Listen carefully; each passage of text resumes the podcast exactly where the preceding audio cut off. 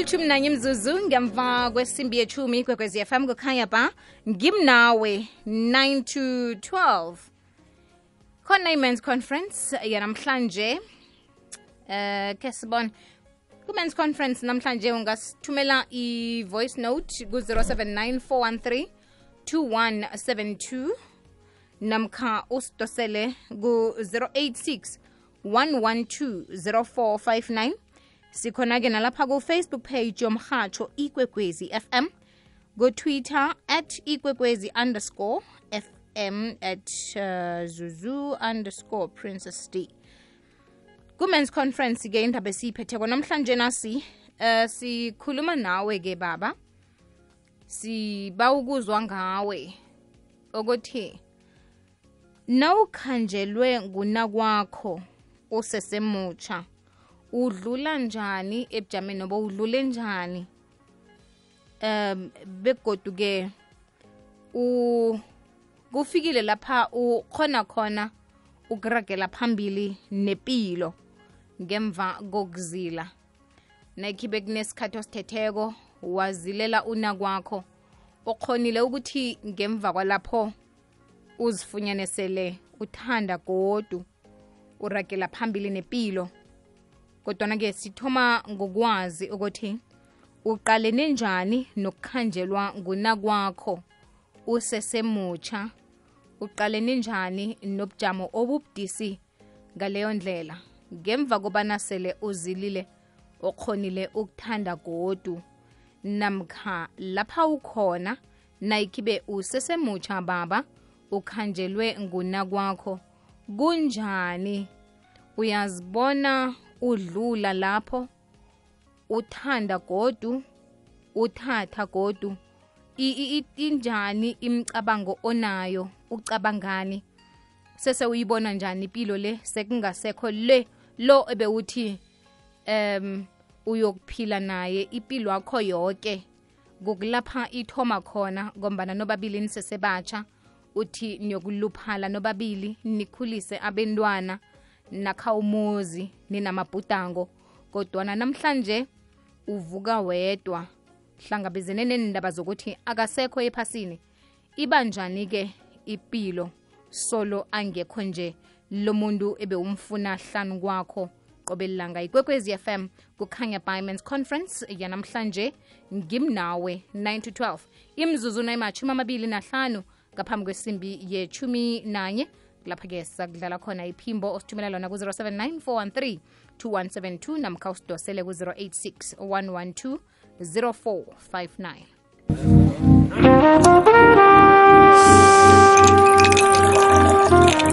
amadoda ahlangene ayakhuluma.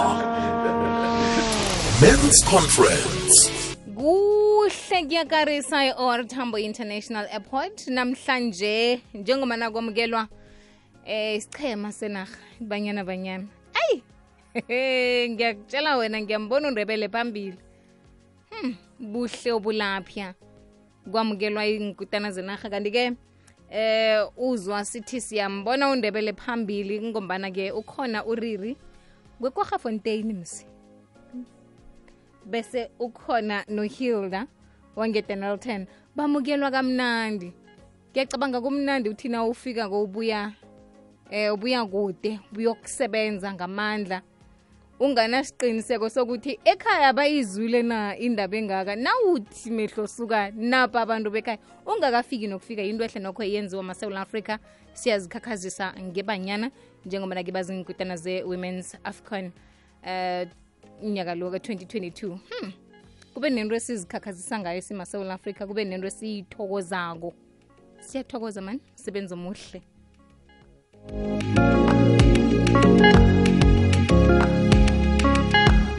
ku-086 112 0459 ngombana nakuyi-whatsapp yona-ke nasiya erhadzile ngazibona ikinga ikuphi kanti eh siza kulinga ngamandla nokho kuyilungisa kodwana i-mans conference yona irakela phambili.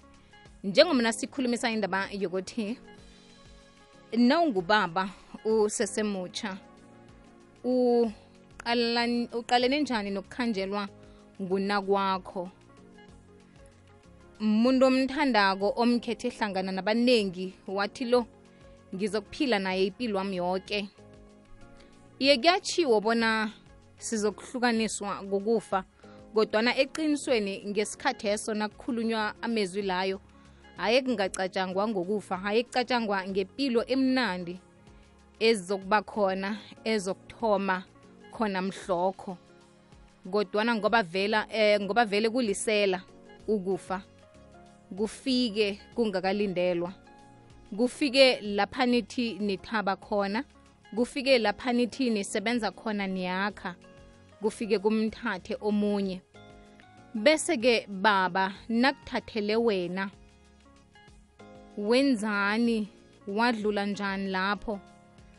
Kwafika na lapha uzibona khona bona sewukulungele ukuthi ungaragela phambili nempilo ukuragela phambili nempilo kutsho ukuthi-ke sewungamthanda omunye umuntu sewungamletha omunye umuntu empilweni nakho kokhunye una kwakho ukuhamba nje ukuchiya nomntwana usesemncane namkha abentwana.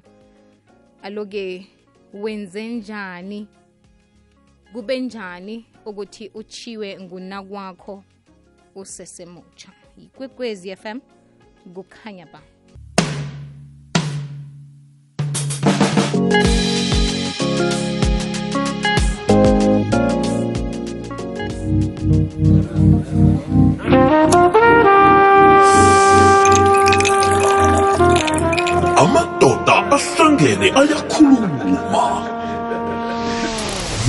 conference.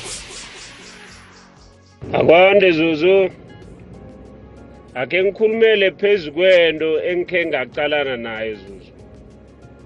Kuba nzima zuzu kuba nzima kakhulu akufuni ukuthi sikhuluma amanga but nangabe uzokuhamba ngesiko lakhona ngesiko lesintu usele amahehetsha uthunyisele izinto lezo abantu abadala bayazi ukuthi ziyawukhipha umcondo ziyalikhipha igazi.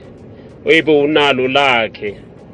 Then bese nawe kancane uyakhohlwa zuzu. Kona kunzima angekho ukhohlwe lula ni. And nakungathola ukuthi kuyakhamba uthola ukuthi uhlangana nayo into leyo viera iyabuya yona but ayibuyi ibe buhlungu kakhulu ngoba wasigcina isintu wasela izinto zakhona. Ngikhulume nje iqiniso ukuthi le le zinto zakhona ziyakwenza ukuthi ukhohlwe ukugeza igazi lakho. Ziyakwenza ukuthi okunye kwakhona ukukhohlwe zuzu. Mara angeke ukukhohlwe konke ni angeke ukhohlwe ukukhohlwa. Fana nokuthi uzokucola ungakhohlwa. Ngiyathokoza zuzu. Lotsha zuzu. 2010 zuzu ucala kwami kuza la eGauteng la ngisuka ngapha kwaNdebele ngapha. Ngathola usesi omunye so abuya e-Eastern Cape. Mina naye sathoma ukuthandana vele 2010 until last year. Last year lo sesi lo washona. Washona ngoFebruary. Ya mara nengakamthathisi straight straight nesingakacedi zuzu nengikhiphe nyana ubuncane nyana. Wazizuzu ukulahlekelwa umuntu. Omthandayo. Eh kunzima kunzima kakhulu zuzu. Ngithi ngikhuluma manje ne angakaamukeli nakwamanje ukuthi lo muntu lo ungishile angakaamukeli nokuthemba ngithembi ekuseni mangivuka vane ngivuka ngiyobheka nala kade athanda ukuhlala khona masisihlalele elangeni. Ngisho noma ngibona lamabhigiri la la leseti le wayithenga le ngihlala ngikhumbula yena. Mara impilo ephumele phambili zuzu. Namanje ngisesesengile akekho umuntu lo ngimcabangako nalabo dade laba ngathi seyabo abangani bami manje. Akunaright thing leya zuzu yokuthi ngingathola omunye umuntu kwamanje. Angazi ukuthi umuntu ngizamthola nini zuzu. Ngisahetekile kabuhlungu. Angazi ukuthi umuntu makaheteke kanje useka afuna ukuthi ne aye kulaba bayomlungisa ayofuna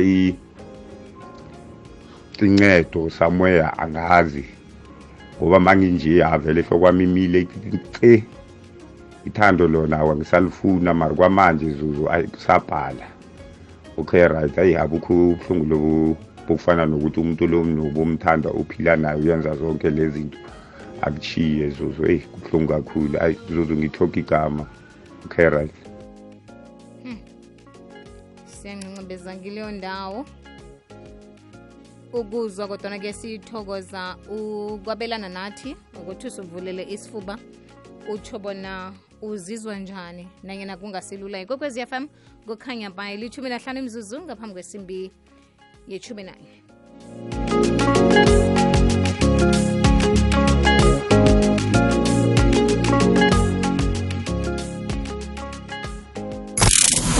ukwehla kwesibalo sabangeniswa embedlela nabathelelekako. Akutsho ukuthi ikhambile i-covid-19 isuswe imibandela imigomo nemilayelo kodwana singagedlisi ivikeleko.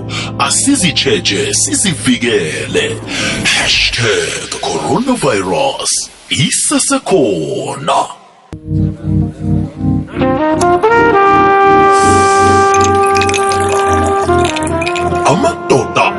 ahlangene ayakhuluma men's conference. Lotsha Zuzu. Ukhuluma kanjakazana eDelmas. Ya Zuzu isihloko siphethe sanamhlanje. Sizwisa ubuhlungu eh nami ngomunye ubuya kuleso simo. Ukukhanjelwa uma sesemncane yes Zuzu akusi akukho lula. Akudluleki ngisho noma umuntu ab- noma abaduduza akududuzeki Zuzu. Ngoba uyacabanga lo muntu bekumuntu othi uphila naye isikhathi especially ahamba semncane nami ke Zuzu uhambe wangishiya noboya semncane na 6 years ayokwenza 7 years. So kunzima Zuzu. Ya noma umuntu uyacabanga manje ukuthi ufuna ukuqhubeka nempilo kodwa kuyabuya umcabango. Uthole ebusuku Zuzu ungase semnandi sowukhala ungubaba. Ya inzima leyo pilo kodwa abaningi badlulile Zuzu nathi siza kudlula sithokoze. Siyathokoza. Ikwekwezi usemoyeni lotshani Eh Zuzu kunjani? ngikhona kunjani baba? Khona ukhuluma noPenwell eDelmas. Eh penwe Zuzu. Ezinye zezinto Zuzu ne azipholi enhlizweni. Angazi uyangizwa zusi ngiyakwizwa penwell nedi senginombuzo eh. sekunento engizibuza yona kodwana ungaragela phambili. Mina bengakabi naye ngimshadile bengakamshadi susu bekuwumuntu ebengihlekisana naye. Okay. But besinebond singanamntwana singananexnaye but into engiyinothisile mina eyanginceda. Ifamily yakhe. mm.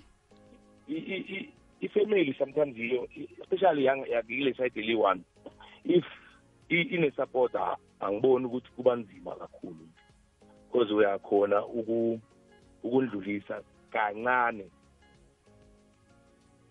But okay yona to be honest nje hayi mina zozayidluli noma sowutshela ukuthi uyadlulisa mara yona once i remember ngihambe namadida siya ku-golri city. Nasocabanga mhm. ukuthi indawo zami ngihamba nayo lezi. Nawufika entweni ezinjengalezo ziyabuya. Imemory imemory um ngenye into. That's why bathi imemory. Ngathini? Ayilahli singadluliso okwamanje. But ngelinye ilanga as long kusaba khona nale nto le etation mara yena ngabe sikude or mhlawumbe ngabe sesishadile or whatever. Kusho ukuthi le nto leyo ayikandluli. Ngiyakuyizwa In- into endlulile yile ungasaphindi uyicabange empilweni yakho yonke. Mhm. Leyo nto idlulile leyo. Even if ungakashadi naye. Mina lo lo mama angimthanda over vele. Mara kibo okay fine. Le le bangisupport even even today. ndisazwana because ekibo ngisangena namanje kube ngathi yonke into ayinaproblem azange mhm. the next. Even though zange ngilobole zange the next. Ngiyakwizwa ya. Um panel thembe bona ngelinye ilanga angazi angazi njani angazi kudlula njani. Um hhayi ngizwe nami batsho kuza kudlula. Um kodwana kuba ngcono. Ngelinye ilanga ubuhlungu obo ngiyacabanga. Buba ngcono. Namhlanje akufani nayizolo. Amalanga akafana sitsho na? Godu yeah no angeke kufane Yeah, but yeah. inkinga kuba ukuthi akudluli the way bona abantu bacabanga ngathi akudlulile hayi Mm, malidlulile mm. akudlulile yabona? Mhm kunezinto and kunesikhathi nasekufike leyo nto leyo because you must remember if udlulile bathi wena udlulile ngoba sowunomunye.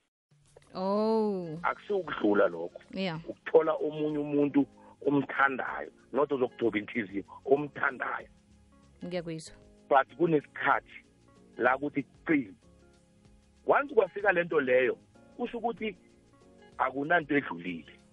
Into edlulile ile ungasaphindi uyicabanga once waba engasakulimazi ne-memory emnandi or enzima odibana nayo ngaleso sikhathi uthola ukuthi kuyenzeka unaye.